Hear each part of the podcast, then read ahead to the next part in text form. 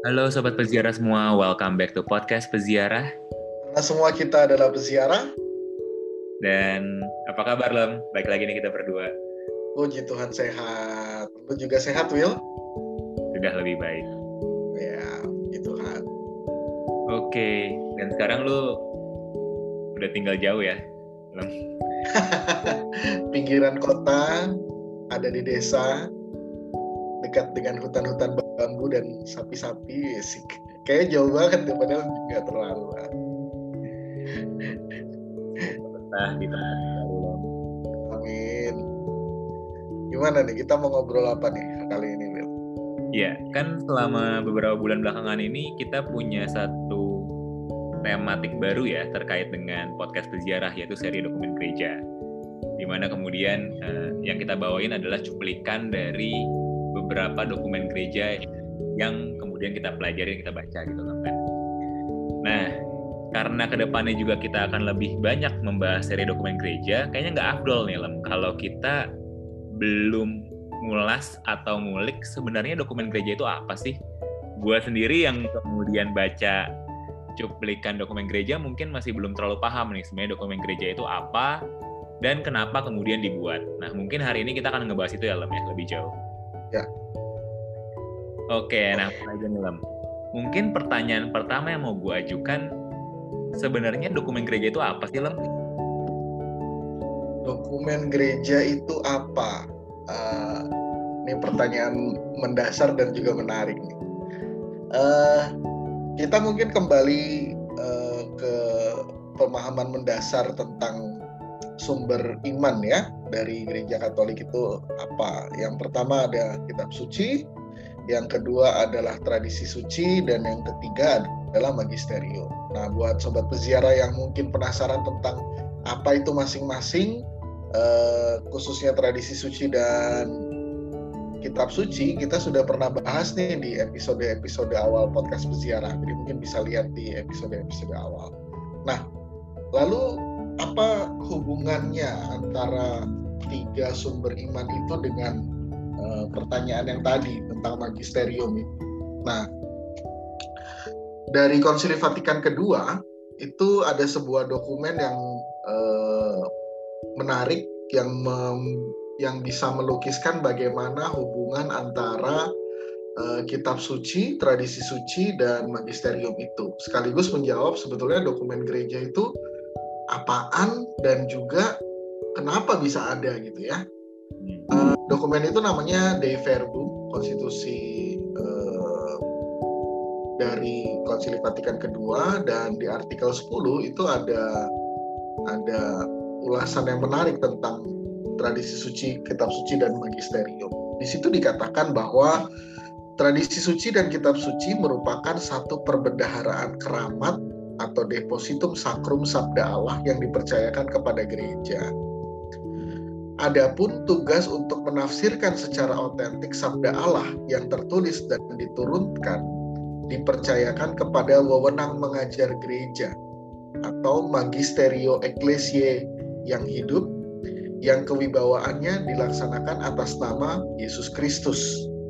Wewenang mengajar atau magisterium itu tidak berada di atas sabda Allah, melainkan melayaninya, yakni dengan hanya mengajarkan apa yang diturunkan saja sejauh sabda itu karena perintah ilahi dan dengan bantuan Roh Kudus didengarkannya dengan khidmat, dipeliharanya dengan suci dan diterangkannya dengan setia.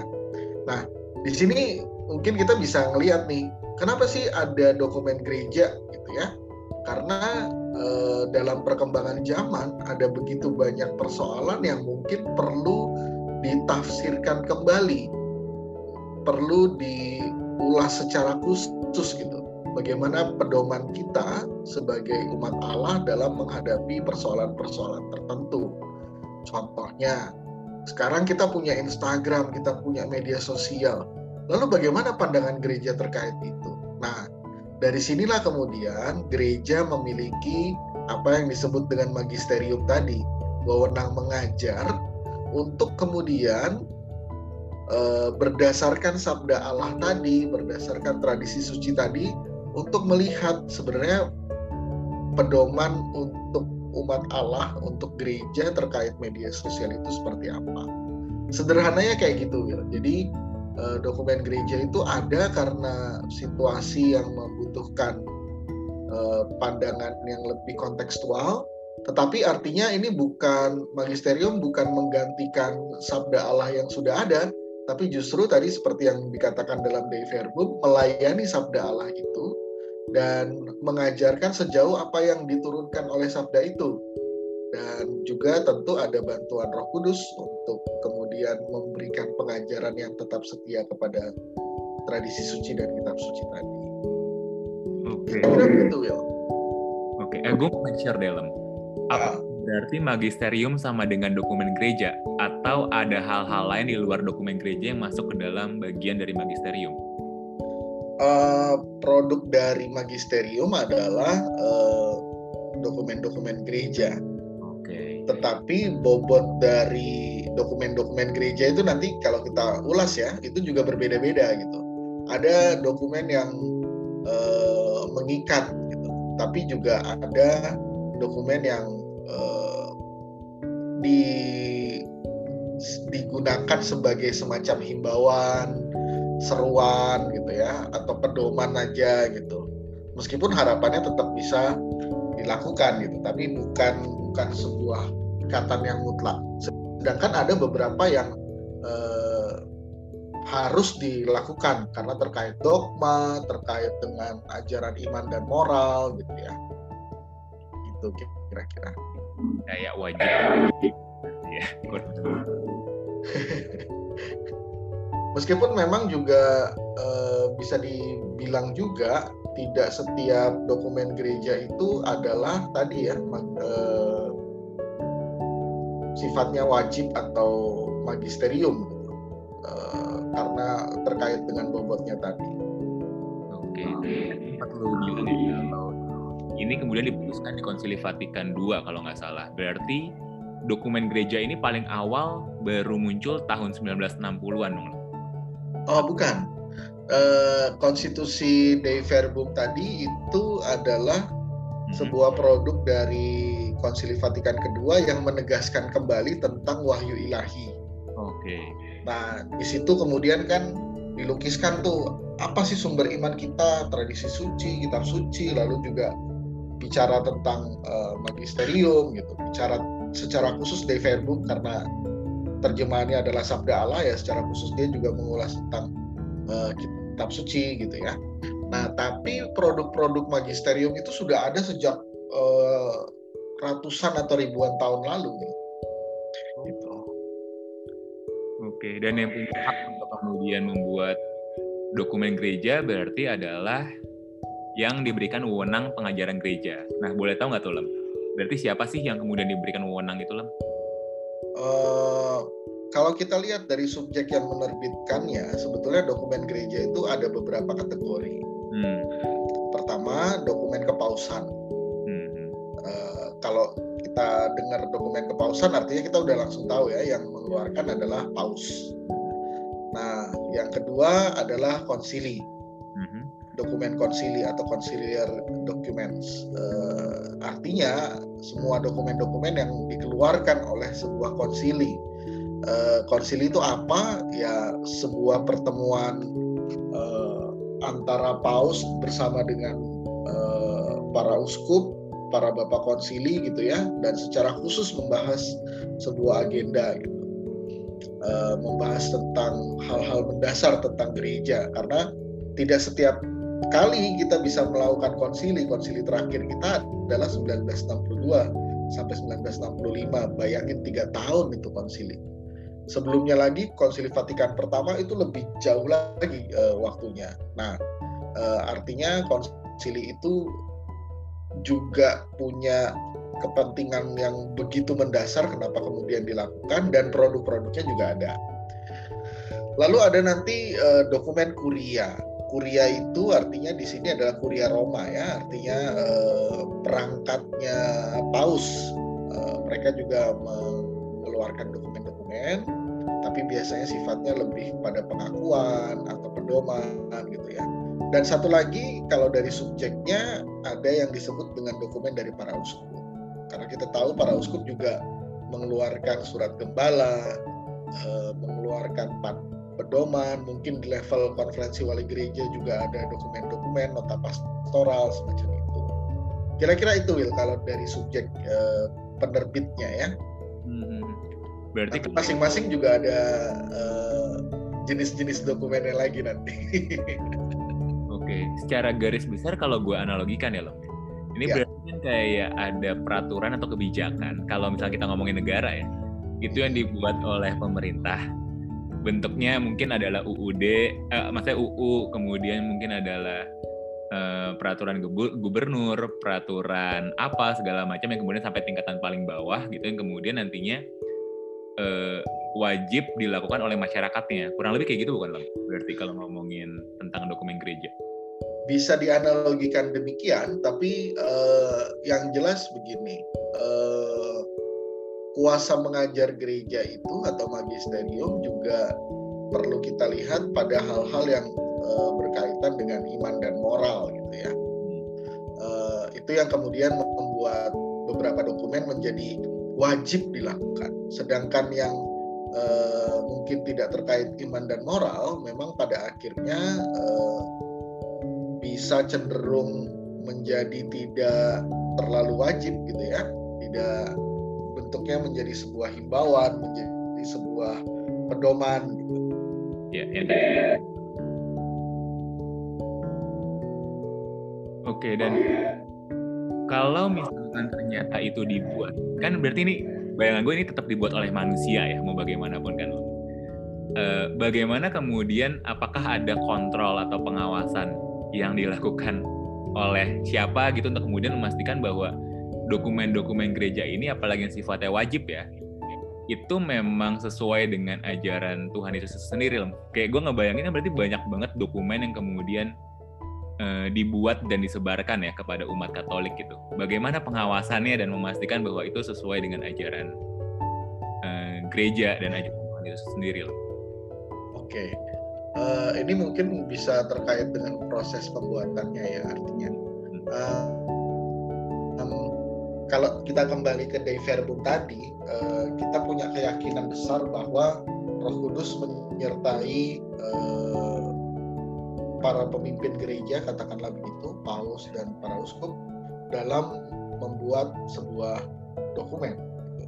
Nah, dalam prakteknya maka pembuatan dokumen gereja itu tidak sekedar oh kita perlu nih pedoman terkait media sosial, ayo bikin. Lalu ada satu orang yang bikin lalu keluar. Um, biasanya ada dua praktek yang kalau gua lihat dari kacamata awam ya uh, dua praktek yang biasanya dilakukan ketika pembuatan dokumen gereja itu dilakukan.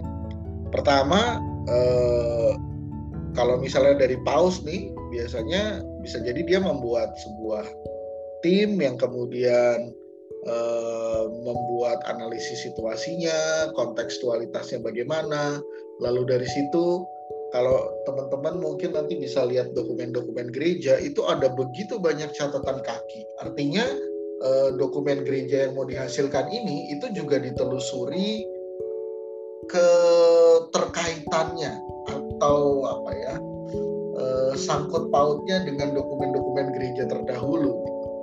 Apakah ini kemudian ada kesalahan secara iman dan moral atau tidak? Gitu.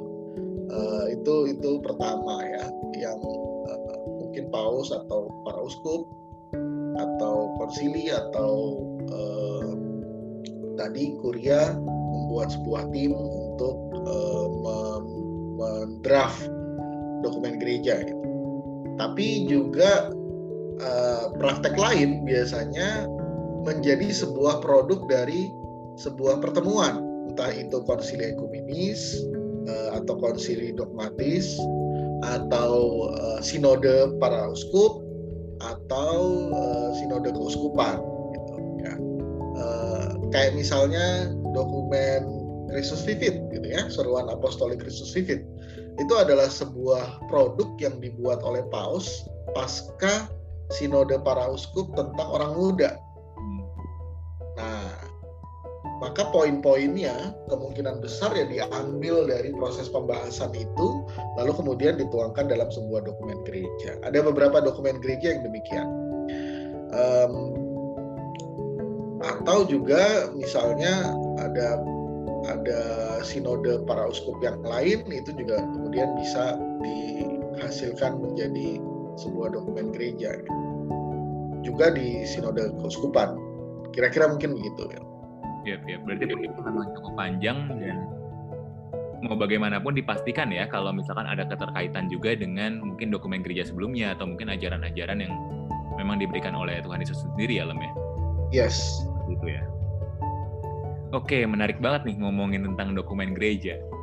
By the way, gua, lu tau gak sih, berarti kalau sampai sekarang nih dokumen gereja yang sifatnya wajib ya, yang memang sifatnya diharapkan diikuti oleh seluruh umat Katolik, jumlahnya sudah berapa loh kurang lebih tuh? Waduh. Lama banget. Banyak banget ya Will, tapi uh, uh, yang jelas begini, yang sumber-sumber kita untuk mencari dokumen gereja, uh, kalau di Indonesia tentu di Dokpen KWI ya, hmm. Departemen Dokumentasi dan Penerangan KWI, teman-teman bisa cek di websitenya Dokpen KWI, itu sudah ada begitu banyak dokumen gereja yang sudah diterjemahkan ke dalam bahasa Indonesia. Um, uh, soal terjemahan ini kita juga perlu hati-hati ya, uh, karena kalau salah menerjemahkan juga bisa salah maknanya. Um, itu itu saran saya kenapa kita kemudian perlu melihat ke uh, Dokpen KWI untuk terjemahan bahasa Indonesia. Nah, kalau teman-teman merasa membutuhkan dokumen lainnya, eh, bisa juga cek di websitenya eh, Tahta Suci Vatikan, vatikan.va. Nah di situ nanti banyak banget tuh dan dikategorikan berdasarkan eh, paus yang menerbitkan. Gitu. Nanti bisa dicari tuh misalnya Paus Benedictus ke-16. Nah nanti apa dia pernah mengeluarkan dokumen apa apa aja gitu hmm. berdasarkan kategorinya hmm. juga ada apa nah itu tapi memang uh, kalau di websitenya Vatikan ya uh, paling mentok kita mencarinya dalam bahasa Inggris ya memang ada beberapa bahasa biasanya alternatif tapi paling mentok bahasa Inggris kalau kita mau lihat gitu itu kira-kira dokumen gereja yang lu tahu sangat booming kira-kira contohnya apa sih Lem? Tentang itu dokumen tentang apa lalu ngomongin tentang apa gitu loh biasanya uh, kalau boomingnya itu biasanya terkait konteks ya hmm. misalnya uh, yang Kristus Vivit itu sempat booming karena memang menjadi sebuah kebutuhan besar bagi gereja untuk gimana sih gereja itu uh, berjalan bersama orang muda. Nah itu booming karena memang menjadi sebuah kebutuhan kan. Nah, dan juga memang yang menarik adalah prosesnya dia betul-betul melibatkan orang muda sejak dari level keuskupan bahkan di tiap negara gitu ya eh, perumusan-perumusan dan visioner itu dibagi sejak awal banget. Nah um, dokumen lain ya yang sesuai konteks misalnya terakhir itu Amoris Laetitia. Amoris Laetitia itu bicara tentang perkawinan dan uh, ada ada beberapa himbauan baru uh, dari gereja terkait dengan uh, hidup perkawinan. Dan ini kemudian mengundang kontroversi karena ya itu ada ada tarikan antara mereka yang uh, pemikirannya mungkin lebih konservatif ketimbang mereka yang lebih progresif terkait dengan dokumen ini. Maka memang cukup panjang kemudian uh, obrolannya. Uh, itu ya kira-kira Will tapi juga kita juga kembali kalau misalnya ke konsili Vatikan kedua itu sebetulnya sampai sekarang pun dokumen-dokumen itu meskipun sudah cukup lama itu juga kalau dibahas tuh selalu menjadi sebuah hal yang menarik. Contohnya nih uh, ada sebuah dokumen yang namanya Intermerifika. Intermerifika dari Konsili Vatikan kedua itu bicara tentang komunikasi sosial. bayangkan di tahun 65 gereja itu sudah mulai memikirkan tentang alat-alat komunikasi, bagaimana berevangelisasi melalui komunikasi sosial. Maka kalau kita sudah kalau kita bicara media pada hari ini, TV, media sosial, eh, internet, itu gereja bahkan sudah memikirkannya sejak saat itu. Gitu. Nah, itu yang kemudian membuatnya menjadi seperti nggak lekang oleh waktu dan selalu uh, kontekstual kalau dibahas beberapa dokumen-dokumen dari Konsili Vatikan kedua. Even terkait dengan uh, relasi antar agama atau relasi kita dengan gereja-gereja lain atau gereja-gereja dari uh, Ritus Timur ya. Hmm. Begitu ya. Wow, menarik banget nih loh tadi lu udah sempat share ya terkait dengan apa itu dokumen gereja, lalu fungsinya, juga bagaimana kemudian dokumen gereja itu dibuat dikerjakan, jenis-jenisnya, sampai kemudian bagaimana kita bisa membaca dan mempelajari dokumen gereja. Ini pertanyaan terakhir sih Lem, uh, yang yang menggelitik di kepala gue gitu. Ini sudah ada dokumen gereja yang kemudian dibuat dan harapannya tentu bisa menjadi landasan pegangan ya untuk umat Katolik dalam berpikir ataupun berperilaku gitu ya. Nah, pertanyaan gue kalau di Indonesia sendiri transfer materi yang ada dokumen gereja ini ke umat tuh ada prosesnya nggak sih Lem? Atau ada hal-hal yang kemudian dilakukan supaya dokumen ini tuh nggak cuma akhirnya jatuh atau ditaruh di perpustakaan atau segala macam, tapi kemudian bisa benar-benar dipakai gitu, benar-benar dipahami oleh uh, umat gitu. Ada nggak sih caranya atau apa yang biasa dilakukan gitu? Uh, biasanya yang dilakukan itu pertama tentu proses translasi itu menjadi sebuah proses dinamika tersendiri ya. Uh, bagaimana sebuah dokumen kemudian diterjemahkan ke dalam bahasa Indonesia dari bahasa aslinya yang biasanya dituliskan dalam bahasa Latin, uh, lalu masuk ke dalam bahasa Indonesia. Itu sebuah awal pintu masuknya. Lalu kemudian biasanya uh, akan ada upaya untuk sosialisasi uh, secara umum, apakah itu melalui uh, uh, komisi-komisi tertentu di level KWI atau uh, berdasarkan kebutuhan dari keuskupan itu. Nah, dari dokumen KWI sendiri, kalau gua perhatikan, uh, biasanya ya mereka kemudian menerbitkan buku kalau dulu kalau sekarang menariknya adalah selain buku mereka juga menerbitkan e-book sehingga uh, penyebarannya menjadi jauh lebih luas sekarang. Nah, tetapi memang uh, persoalan pastoral di setiap keuskupan atau paroki itu kan dinamikanya beda-beda ya. Jadi tidak kadang-kadang juga tidak memungkinkan nih setiap ada dokumen baru terus kemudian ada pembahasan dokumen baru ada pembahasan. Nah, eh, kadang-kadang memang tantangannya itu ya, eh, sehingga kadang-kadang ada dokumen yang bagus, tapi akhirnya tidak sampai ke level grassroots, ke level akar rumput untuk diketahui. Nah, tetapi ini juga sebetulnya menarik nih eh, menjadi sebuah kesempatan bagi kita awam untuk betul-betul mengikuti perkembangan gereja secara luas ya.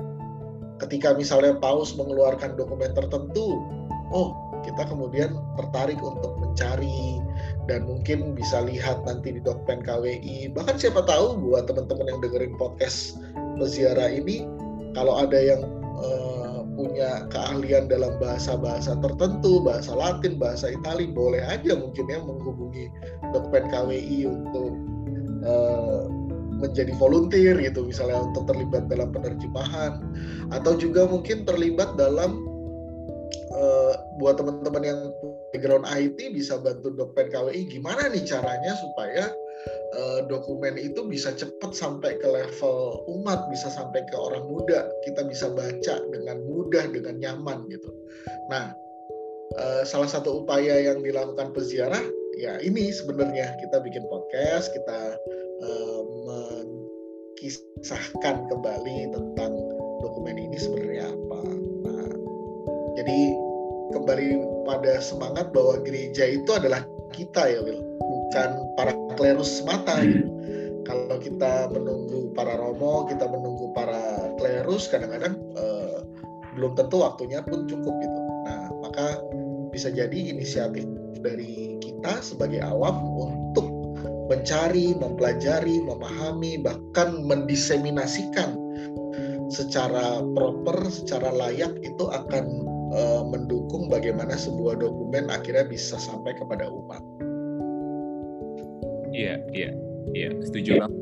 Gue karena nggak tahu ya, kalau gue sih ngerasa memang pekerjaan rumahnya ya untuk kemudian menyampaikan apa yang sudah tertuliskan gitu kan. Itu itu memang pekerjaan rumah banget dan ya kalau gue pribadi ketika baca dokumen gereja juga sometimes kan kayak nggak paham ya sebenarnya ini ngomongin kontekstualitas seperti apa sih atau mungkin ya karena translasinya ada beberapa yang kurang pas ya ketika kita bicara dengan bahasa Indonesia jadi kayaknya agak membingungkan gitu. Sehingga mungkin kadang-kadang butuh juga bantuan dari uh, mereka yang cukup paham untuk kemudian bisa berbagi gitu sama orang-orang yang mungkin kayak gue yang yang baru belajar gitu. Nah ya setuju banget lah memang harapannya sih nanti ke depan kita juga bisa secara rutin bikin seri dokumen gereja dengan model baru ya Lem ya. Di mana mungkin kita akan coba mengobrol dan mengupas eh, dokumen-dokumen uh, tersebut supaya harapannya ya bisa dikontekstualisasikan dan lebih mudah lah dimengerti oleh teman-teman uh, peziarah semua gitu.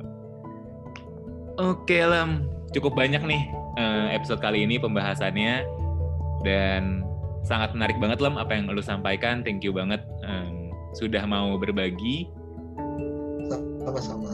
Dan ke depannya kita masih banyak episode-episode selanjutnya Lem ya. Setelah sekarang berarti episode 101 nanti ke depannya harapannya juga akan banyak varian yang coba uh, peziarah buat. Jadi buat sobat peziarah semua terus untuk saksikan episode-episode peziarah selanjutnya ya gitu. Dan kalau gitu gua William. Saya William pamit. Bye, bye.